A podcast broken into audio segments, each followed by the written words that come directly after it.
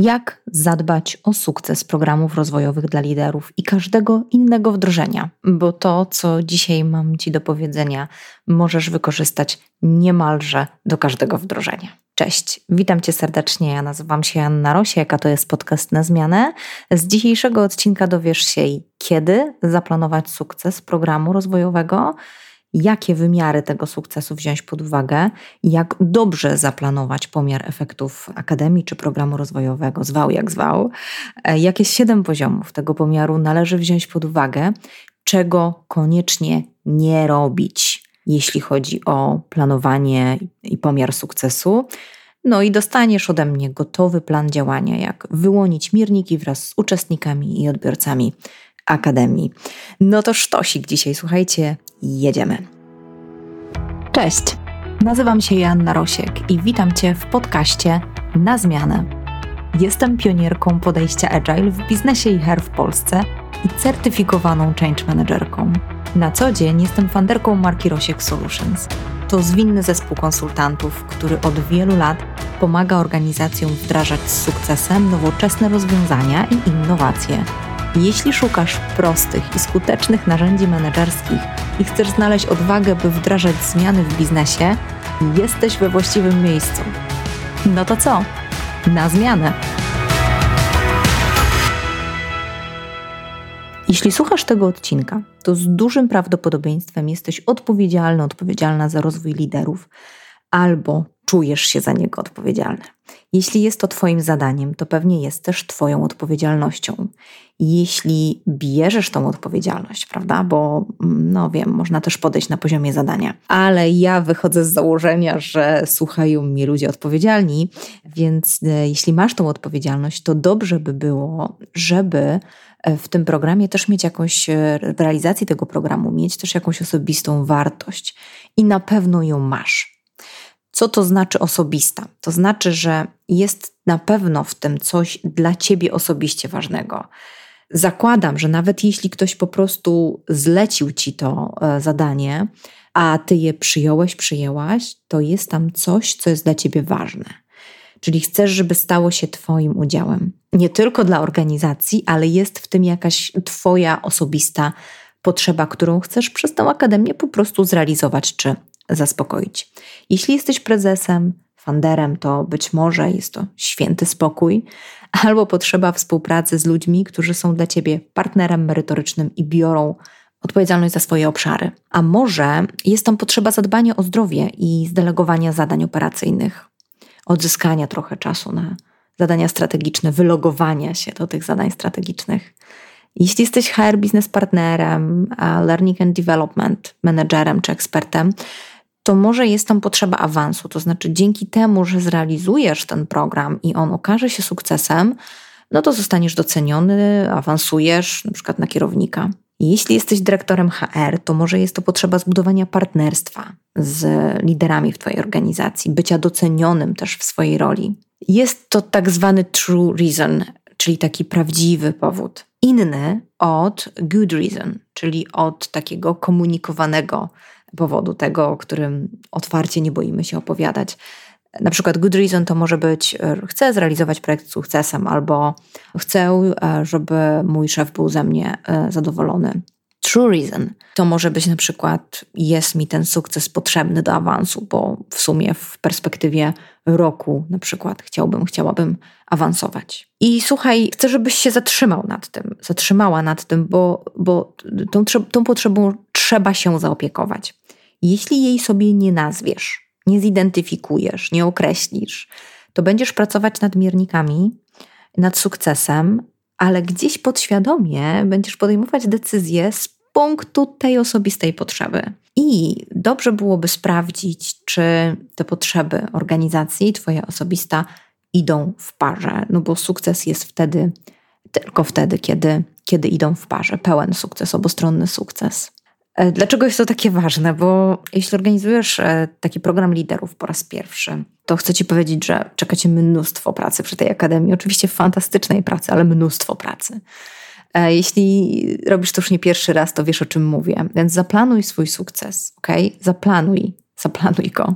To jest mnóstwo logistyki, narzekania ludzi, bo jeszcze się nie urodził taki, co by każdemu dogodził. Zresztą wszelkie programy, które opierają się o wielu różnych uczestników, no, wymagają pogodzenia wielu różnych interesów i, i stron. Zanim więc rzucisz się do ratowania świata, firmy, naprawy innych liderów, zaplanuj swój sukces i sprawdź, czy współgra on z sukcesem tego programu, czy te cele osobiste i cele firmy współgrają ze sobą. Drugi rodzaj potrzeby to potrzeba sukcesu dla organizacji. Żebyśmy wiedzieli, że program rozwoju liderów będzie sukcesem dla organizacji, powinniśmy określić, co to znaczy, że dany program będzie sukcesem i powinniśmy to określić od samego początku. Nie robimy tego sami, czyli nie robimy tego po akademii i nie robimy tego sami. No niby oczywiste, ale wciąż obserwuję, że pozostaje to w głowach herowców i na ich barkach. I dopiero na koniec sprawdzamy, czy był sukces. No najgorzej jeszcze, jak to się dzieje tylko na poziomie ankiet i tylko na poziomie subiektywnych ocen. Więc co jest potrzebne, żeby był sukces? Zgadnij. Zmiana. Moje i Twoje ulubione słowo. Organizacja musi odczuć zmianę na lepsze, żeby uznać sukces. Słyszysz? Zmianę. Tę zmianę trzeba zaplanować. Czyli jest jakiś stan teraz, jest jakiś cel, jest jakaś droga zmierzająca do tego celu i jest meta czyli destynacja, do której zmierzamy. Żeby zmierzyć efekty, trzeba porównać stan przed i stan po. I znów, niby to oczywiste, ale wciąż widzę, że siadamy do efektów na końcu, a nie przygotowujemy sobie wcześniej żadnego wkładu, żadnej oceny stanu obecnego. Można to zrobić na wiele różnych sposobów. Służą do tego badania diagnostyczne, służą do tego 360, służą do tego przeróżne mm, dane, które możemy zbierać z organizacji, grunt, żeby wiedzieć, od czego startujemy, ponieważ na koniec będziemy musieli z czymś to porównać, czyli zobaczyć, czy ta zmiana rzeczywiście nastąpiła. Żeby zdefiniować sukces e, Akademii, trzeba również określić, kto jest uczestnikiem Akademii, a kto jest odbiorcą efektów Akademii. I już to tłumaczę. Uczestnicy to zwykle liderzy w różnych grupach, czyli na przykład kluczowa kadra menedżerska, kadra kierownicza, różne oczywiście poziomy tej kadry, ale też mamy nadzieję, że jest dla Ciebie oczywiste, że powinien e, w tej akademii uczestniczyć HR, HR Business Partnerzy, Learning and Development czy dyrektor HR, ponieważ no, to jest fundament budowanie organizacji, żeby była współpraca pomiędzy HR biznes partnerami czy HR-owcami a biznesem, a nic, tak jak Akademia, nie buduje tej relacji. I niezwykle ważne jest też to, że będąc uczestnikiem tej Akademii, możesz poznać bieżące wyzwania swoich liderów. Odbiorcy Akademii to zwykle odbiorcy efektów, czyli tego sukcesu. To znaczy nie uczestniczą, ale jak zobaczą efekty Akademii, to będą mieli z tego korzyść. Przykłady: prezes będzie miał na przykład decyzyjnych liderów. To jako HR więcej czasu na tematy strategiczne, bo zawsze powtarzam, że dobry HR wie, że musi zacząć od zbudowania kompetentnego zespołu liderów, bo ma potem 80% roboty z głowy. Dlaczego? Bo sami liderzy rozwiązują problemy, a nie za każdym razem pytają: A jak ja mam poprowadzić spotkanie z tą osobą? A przyjdziesz i poprowadzisz je ze mną? A powiedz mi, jak robić to i tamto. O, o mój Boże, złożył mi wypowiedzenie, co ja mam teraz zrobić. I my się tak godzimy, bo HR-owcy to taka grupa, która często lubi ratować świat i, i innych. E, sama to przeszłam, wiem, tylko brakuje nam wtedy czasu na sprawy strategiczne, więc godzimy się na to wsparcie. Nawet w sumie często jesteśmy zaszczyceni tym, że ktoś nas prosi o pomoc i o wsparcie. Sęk w tym, że jeśli dzieje się to przez zdecydowaną większość Twojego czasu i robisz to Ty zamiast liderów, to generalnie wychowujesz sobie dzieci, a nie osoby decyzyjne i liderów w pełnym tego słowa znaczeniu. Jeśli masz rozwiniętych liderów, to albo przychodzą, jak problemy są jeszcze w zalążku, albo wtedy, gdy jest ten problem naprawdę wyjątkowy. Pozostałe rozwiązują sami i w sumie to kiedyś jedna z moich klientek, dyrektorka HR z branży farmaceutycznej, która być może mnie słucha, serdecznie pozdrawiam, będzie wiedziała, że to ona, uznała za sukces Akademii to, że właśnie przy okazji macie miernik, więc y, zaznaczam, że można to też użyć jako miernik. Przyszedł do niej lider e, już po zrealizowanej wspólnie Akademii i zauważył, że pracownik od jakiegoś czasu jest jakiś inny, jakoś inaczej się zachowuje. I ta dyrektorka HR wspomniała, że kiedyś przyszedłby wtedy, kiedy ten pracownik złożyłby wypowiedzenie, więc to, że on przychodzi dużo wcześniej i mówi: Widzę, zastanawiam się, co z tym zrobić już teraz, jest już ogromnym sukcesem, czyli problemy są rozwiązywane w zalążku.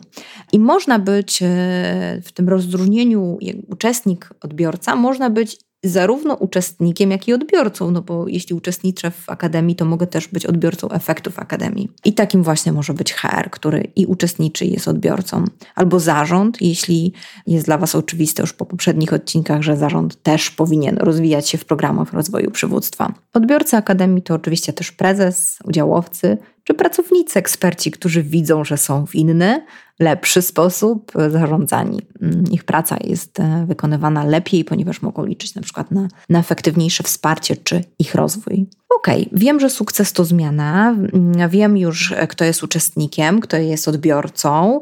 Teraz kolejny krok to zadaj sobie pytanie, po czym poznamy, że to, co zrobimy, będzie sukcesem. Tak jak sukces Akademii planujemy przed, a potem mierzymy po, tak też pomiar Akademii musi być zaplanowany przed i wykonywany po, by porównać dwa stany sprzed Akademii i po Akademii. Dlaczego planujemy sukces i pomiar przed i po? Bo nie chcesz mieć stanu docelowego, czyli sukcesu w postaci sera szwajcarskiego. Jak wygląda ser szwajcarski? No ma dziury, prawda? I ty też nie chcesz takich dziur w stanie docelowym, czyli zaplanowaliśmy sobie sukces, ale są w tym istotne ubytki. Zaplanuj więc bardzo dokładnie, jaki chcesz mieć sukces e, i po czym poznasz, że ten sukces będzie. Sukces bierze się z planowania, a dopiero potem z działania.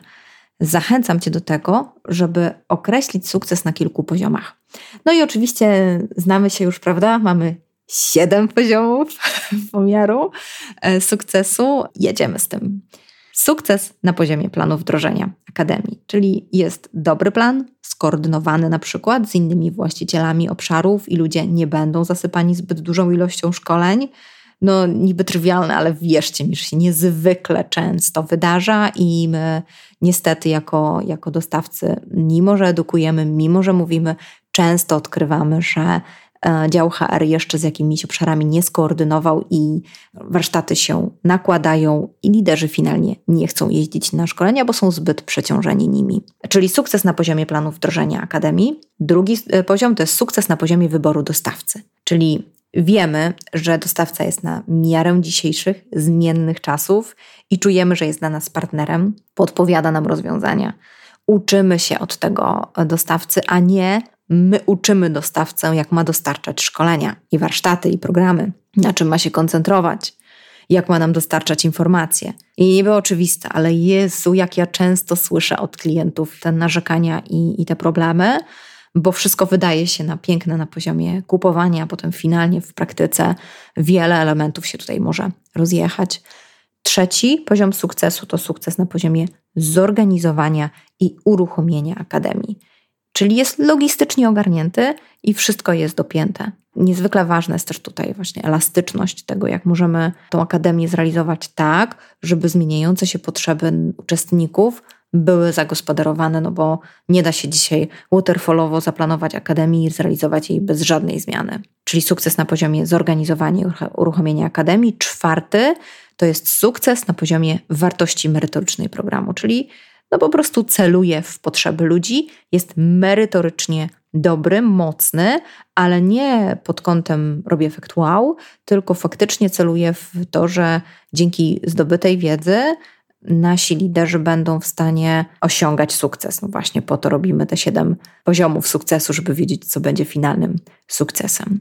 Piąty poziom sukces na poziomie wywołania zmiany osobistej. No i tutaj dzieje się sedno. Tutaj dotykamy tego, po co rzeczywiście są te programy rozwojowe. Mogą z tego programu liderzy czerpać osobiste korzyści i przekładać je na własny, swój własny rozwój. Wtedy mówimy o sukcesie na poziomie wywołania zmiany osobistej. I przedostatni, szósty sukces na poziomie wywołania zmiany organizacyjnej, czyli to, co pamiętacie, pewnie mówiłam z pierwszego odcinka, zmiana na poziomie organizacyjnym jest sumą zmian na poziomie indywidualnym, prosta matematyka zmiany. Więc jeśli w punkcie piątym, na poziomie piątym zaplanowaliśmy dobre, mm, dobry sukces na poziomie zmiany osobistej, to jeśli ta zmiana zadzieje się u wielu uczestników, um większej liczby uczestników, tym większa szansa na sukces na poziomie organizacyjnym.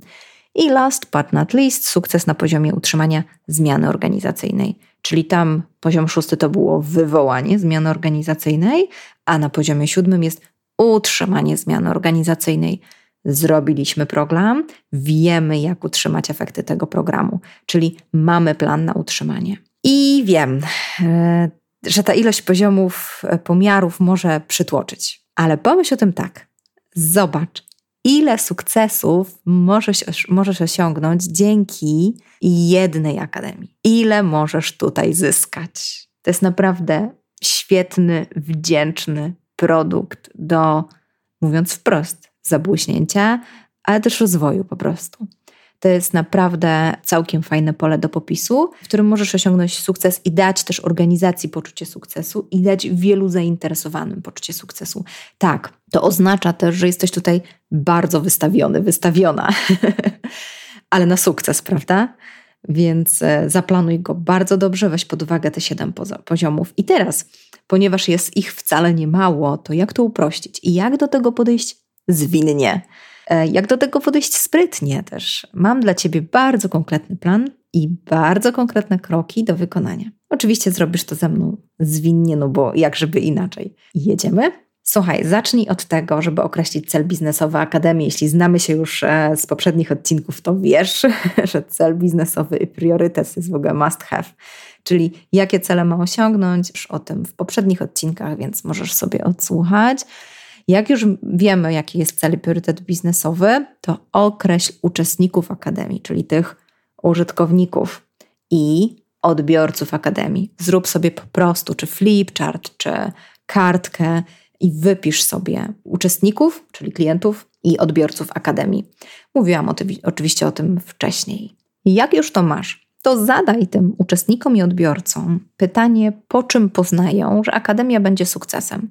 Zrób to zajmując im kilka, maksymalnie kilkanaście minut i najlepiej zrób to też kilku, kilkunastu osobom. Więc takie 15 minut rozmowy z każdym y, z tej piętnastki, na przykład osób, spowoduje, że no szybciutko będziesz miał, miała wkład, jak ludzie na to patrzą. Oczywiście zapisz to sobie, jeśli to będzie rozmowa osobista.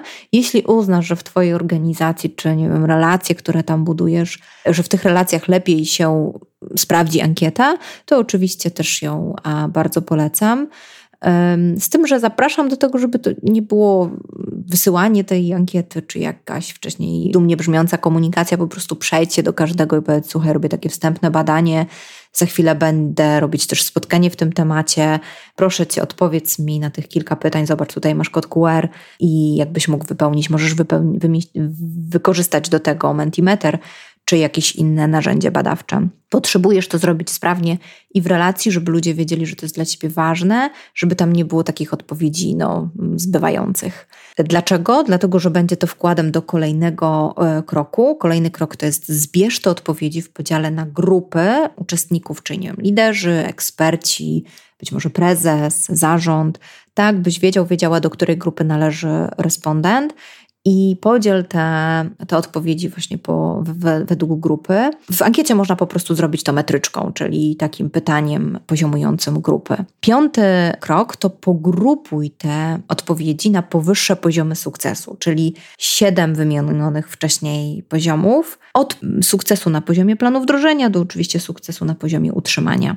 Kolejny krok e, to zaobserwuj prawidłowości i wyciągnij wnioski, czyli jak już sobie spiszesz te dane, pogrupujesz grupami, pogrupujesz poziomami, to zobacz, co z tego się wyłania. Zobacz na przykład, czy organizacja definiuje sukces na wszystkich poziomach, czy na przykład nie zatrzymuje się na poziomie zorganizowania akademii. Zorganizuj potem spotkanie, podczas którego przedstawisz tę systematyzację i pokażesz, co zebrałeś, zebrałaś. I to jest kolejny krok. Mm, niech to będzie spotkanie, które angażuje tych, którzy naprawdę chcą się wypowiedzieć i chcą wziąć w tym udział. Powiedz im wcześniej, dlaczego dla ciebie jest to ważne, dlaczego ważne jest to dla organizacji. I uwaga, przedstaw te zbierane dane w sposób zanonimizowany, czyli nie pokazuj, a bo ten powiedział mi to, a ten powiedział mi tamto, a tamta to jeszcze powiedziała to nie, tutaj wystarczy, że pokażesz same zebrane dane bez informacji, od kogo osobiście one pochodzą. I najlepiej niech to będzie takie spotkanie, gdzie narysujesz te siedem poziomów, na przykład na flipcharcie, czy też w Miro lub w jakimkolwiek innym narzędziu digitalowym do kreatywnej pracy. I co? No masz gotowe symptomy sukcesu, czyli wiemy, co możemy mierzyć. Jedyne, co teraz potrzebujecie zrobić na tym spotkaniu, to po pierwsze dokonać refleksji, czyli zobaczyć, aha, no to my definiujemy sukces tylko na tych poziomach, a na przykład na, tych to nikt się, na tym to nikt się nie zastanawia. I to już oczywiście e, punkt dla Ciebie, bo już patrzysz na to kompleksowo. Kolejny krok, który warto zrobić, to wspólnie uzupełnijcie te poziomy.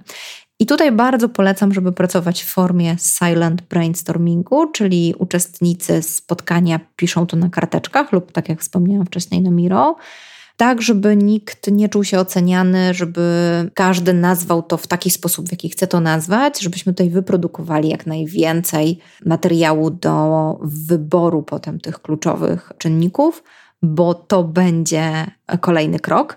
Na jakie pytanie tutaj y, uczestnicy tego spotkania potrzebują odpowiedzieć, co jest dla nas sukcesem na danym poziomie, albo po czym poznamy, że mamy sukces na danym poziomie pomiaru. Mamy, zebraliśmy dane, w związku z tym teraz potrzebujecie określić priorytety, czyli wybierzcie sobie na przykład nie więcej jak dwa symptomy sukcesu per obszar, to dacie i tak 14 przejawów sukcesu, albo no po prostu wybierzcie ze wszystkich i może nie będziecie chcieli na każdym poziomie mierzyć sukcesu tej akademii, czego nie polecam, ale dla na przykład organizacji mniejszej skali być może to będzie wystarczające to priorytetyzację można zrobić poprzez proste głosowanie, czyli uznaj na przykład, że uczestnicy mają, każdy uczestnik ma po dwie kropeczki i może zagłosować na dwa mierniki, bądź też więcej w zależności od ilości osób. Im e, więcej osób głosuje, tym mniej kropeczek możesz zastosować. Im mniej osób głosuje, tym więcej kropeczek, no bo wtedy potrzebujemy większej liczby danych do zebrania. Określ więc po tym, jak chcecie mierzyć sukces akademii, czyli to, co zebraliście wcześniej, już Wam w pełni wystarczy do tego, żeby wiedzieć, na jakich poziomach i jakie symptomy chcecie mierzyć. Jedyne, co potrzebujesz teraz, to jeszcze zobaczyć, jak to mierzyć, czyli jakie mierniki temu towarzyszą. Na przykład, jeśli wiemy, że chcemy, żeby akademia wywołała taki efekt, że liderzy będą, będą bardziej decyzyjni, to po czym poznamy, że oni będą bardziej decyzyjni i jeszcze jak to zmierzymy. Ponieważ jest to całkiem e, spory temat, to nagram o tym osobny odcinek jakie to mogą być mierniki. Tutaj to, co możesz zrobić, to po prostu zapytać od razu uczestników, słuchajcie, to jak my to możemy mierzyć, jakie wskaźniki mamy już w organizacji, skąd możemy wziąć te dane, jak to ująć w liczbach, bo tutaj muszą być konkretne liczby, bądź też jeśli będą te dane jakościowe, to jak zbierzemy te dane jakościowe. No i z górki mamy to. To jest już naprawdę kawał wykonanej roboty tak jak sobie przeanalizowałam cały ten plan, to można go przy sprawnie współpracującej organizacji wykonać w tydzień, dwa tygodnie i mamy, mamy piękny efekt. Co więcej, mamy też zaangażowanych e, uczestników i odbiorców, bo jeśli wybrałeś takie kluczowe osoby do, wybrałaś takie kluczowe osoby do spotkania, to tutaj e, już bardzo mocno angażujesz. Voila! Mamy to. Dla sprawnie działającej grupy liderów e, takie spotkanie potrwa mniej więcej 2-3 godziny. Można je oczywiście podzielić też na dwie części. Trzymam więc kciuki za efekty takiego spotkania. Bardzo będę szczęśliwa, jeśli napiszesz mi, czy się udało, jak się udało, albo może będziesz sobie organizować to spotkanie, będziesz mieć jakieś dodatkowe pytania, pisz śmiało. Jestem tutaj po drugiej stronie. I dwa jeszcze takie ważne, istotne rozwinięcia. Jeśli to nie wybrzmiało wystarczająco dobrze, to podkreślam jeszcze raz: nie rób tego spotkania w samym HR, bo potrzebujesz mieć perspektywę uczestników i odbiorców i nie łap się w pułapkę, że ty tak dobrze znasz swój biznes. Znamy się już trochę, jeśli słuchałeś, słuchałaś wcześniejszych odcinków, to tam masz mnóstwo takich wskazówek. Dlaczego nie robić tego tylko z perspektywy HR? I druga istotna rzecz, przestrzegam, żeby sukces Akademii obtrąbić zbyt wcześnie. Czyli organizacyjnie wyszło, trenerzy się podobali, sale i, środek, i ośrodek fajny, no było afterparty, prezes przyjechał, ścisnął dłoń, szkolenia fajne, wszyscy są zadowoleni, no jest sukces, uff. Jest to niestety jeden z błędów w zarządzaniu zmianą wymienionych przez Kotera, zbyt wczesne świętowanie sukcesów. Zamiast obtrąbienia sukcesu, które powoduje rozluźnienie, i zbyt szybką rezygnacją z dalszych, skoordynowanych działań, potrzebujemy świętowania małych sukcesów, jasnej komunikacji efektów i oczywiście przedstawienia dalszego planu działania, czyli co już osiągnęliśmy i co jeszcze chcemy osiągnąć, czyli planu na utrzymanie. Akademia to zdecydowanie działania długoterminowe. To znaczy, że prawdziwy sukces będzie odłożony w czasie na kilka lat. Tak, dobrze słyszysz. To nie jest tak, że w danym roku zrealizujemy sobie akademię i tyle go było. I w ogóle już wszyscy będą decyzyjni, już wszyscy będą świetnie rozwinięci. To jest e, czas rozłożony na, na dłuższą perspektywę. Oczywiście wszystko zależy od tego, z czego my wychodzimy, jaki jest ten stan wyjściowy, no i właśnie po to go mierzymy, żeby wiedzieć, ile nas tam czeka pracy jeszcze. Żeby wytrwać w tej zmianie, trzeba więc systematycznie komunikować małe, często niedostrzegalne sukcesu. Ok, z tego odcinka, y, więc podsumowując, dowiedzieliśmy się po pierwsze, czym jest sukces osobisty, czym jest sukces organizacji, jak je połączyć. Dowiedzieliśmy się też, czym są uczestnicy, a czym są odbiorcy Akademii. Porozmawialiśmy sobie o tym, jakie są wymiary sukcesu, ile poziomów tutaj tego sukcesu trzeba uwzględnić i na czym się skoncentrować. No i omówiliśmy sobie bardzo konkretny sposób, czy przebieg i agendę też spotkań, które doprowadzą Cię do tego, żeby nie siedzieć, nie wymyślać, nie murzyć, nie kminić e, o tym, jakie te mierniki powinny być, tylko po prostu iść i wypracować to z ludźmi, stworzyć to wspólnie i przy okazji wzajemnie się zaangażować we współtworzenie Akademii na dalszych etapach. Ja Ci bardzo dziękuję i jeśli masz ochotę, zapraszam Cię też na ostatnią część. Dziś chcę Ci powiedzieć, że od wielu lat towarzyszymy organizacjom w rozwoju liderów w różnych obszarach ale ostatnie lata tak mocno przedefiniowały sposób uczenia się liderów, ich dostępność czasową, że postanowiliśmy stworzyć Agile Leadership Academy, która jest inna, bo jest zwinna, czyli rozwija się wraz ze zmieniającymi się potrzebami liderów. Zakładamy więc w tej akademii, że lider, który definiuje potrzeby na początku programu, w trakcie te potrzeby się zmieniają. W związku z tym programy zdefiniowane na, na początku już często w połowie czy po pierwszym etapie programów byłyby zdefiniowane inaczej. Wyszliśmy z założenia, że taka akademia, która jest zwinna, musi właśnie uwzględniać te siedem poziomów, czyli ma mocny plan wdrożenia, wiemy, co będzie kiedy wdrażane, jak będzie realizowana i wszyscy znają ten plan. Po drugie, jest łatwa i elastyczna do zorganizowania, bo jeśli cokolwiek się zmienia w trakcie, musimy być odporni na te zmiany. Akademia, która ma mocną wartość merytoryczną programu i taką, która nadąża za y, wyzwaniami współczesnego świata a nie opiera się na bardzo dawnych teoriach, które już się nie sprawdzają, albo które po prostu przechodzą próbę czasu, czy wymagają jakiegoś upgrade'u. Taka akademia, to kolejny poziom, wywołuje zmianę osobistą liderów, czyli koncentruje się stricte na indywidualnej zmianie i też suma tych zmian jest widoczna na poziomie zmiany organizacyjnej. O tym dzisiaj mówiłam, więc pewnie Cię to nie zaskakuje i która nie pomija aspektu, jak utrzymać zmianę organizacyjną. No i last but not least, ma zwinnego dostawcę. To mówiłam ja, Joanna Rosiek, twórca Agile Leadership Academy. Nie wierz mi na słowo. Serio, nie wierz mi na słowo. Sprawdź. A jak? Napisz do mnie na kontakt małparosieksolutions.pl i umówmy się na konsultację. No to co? Na zmianę!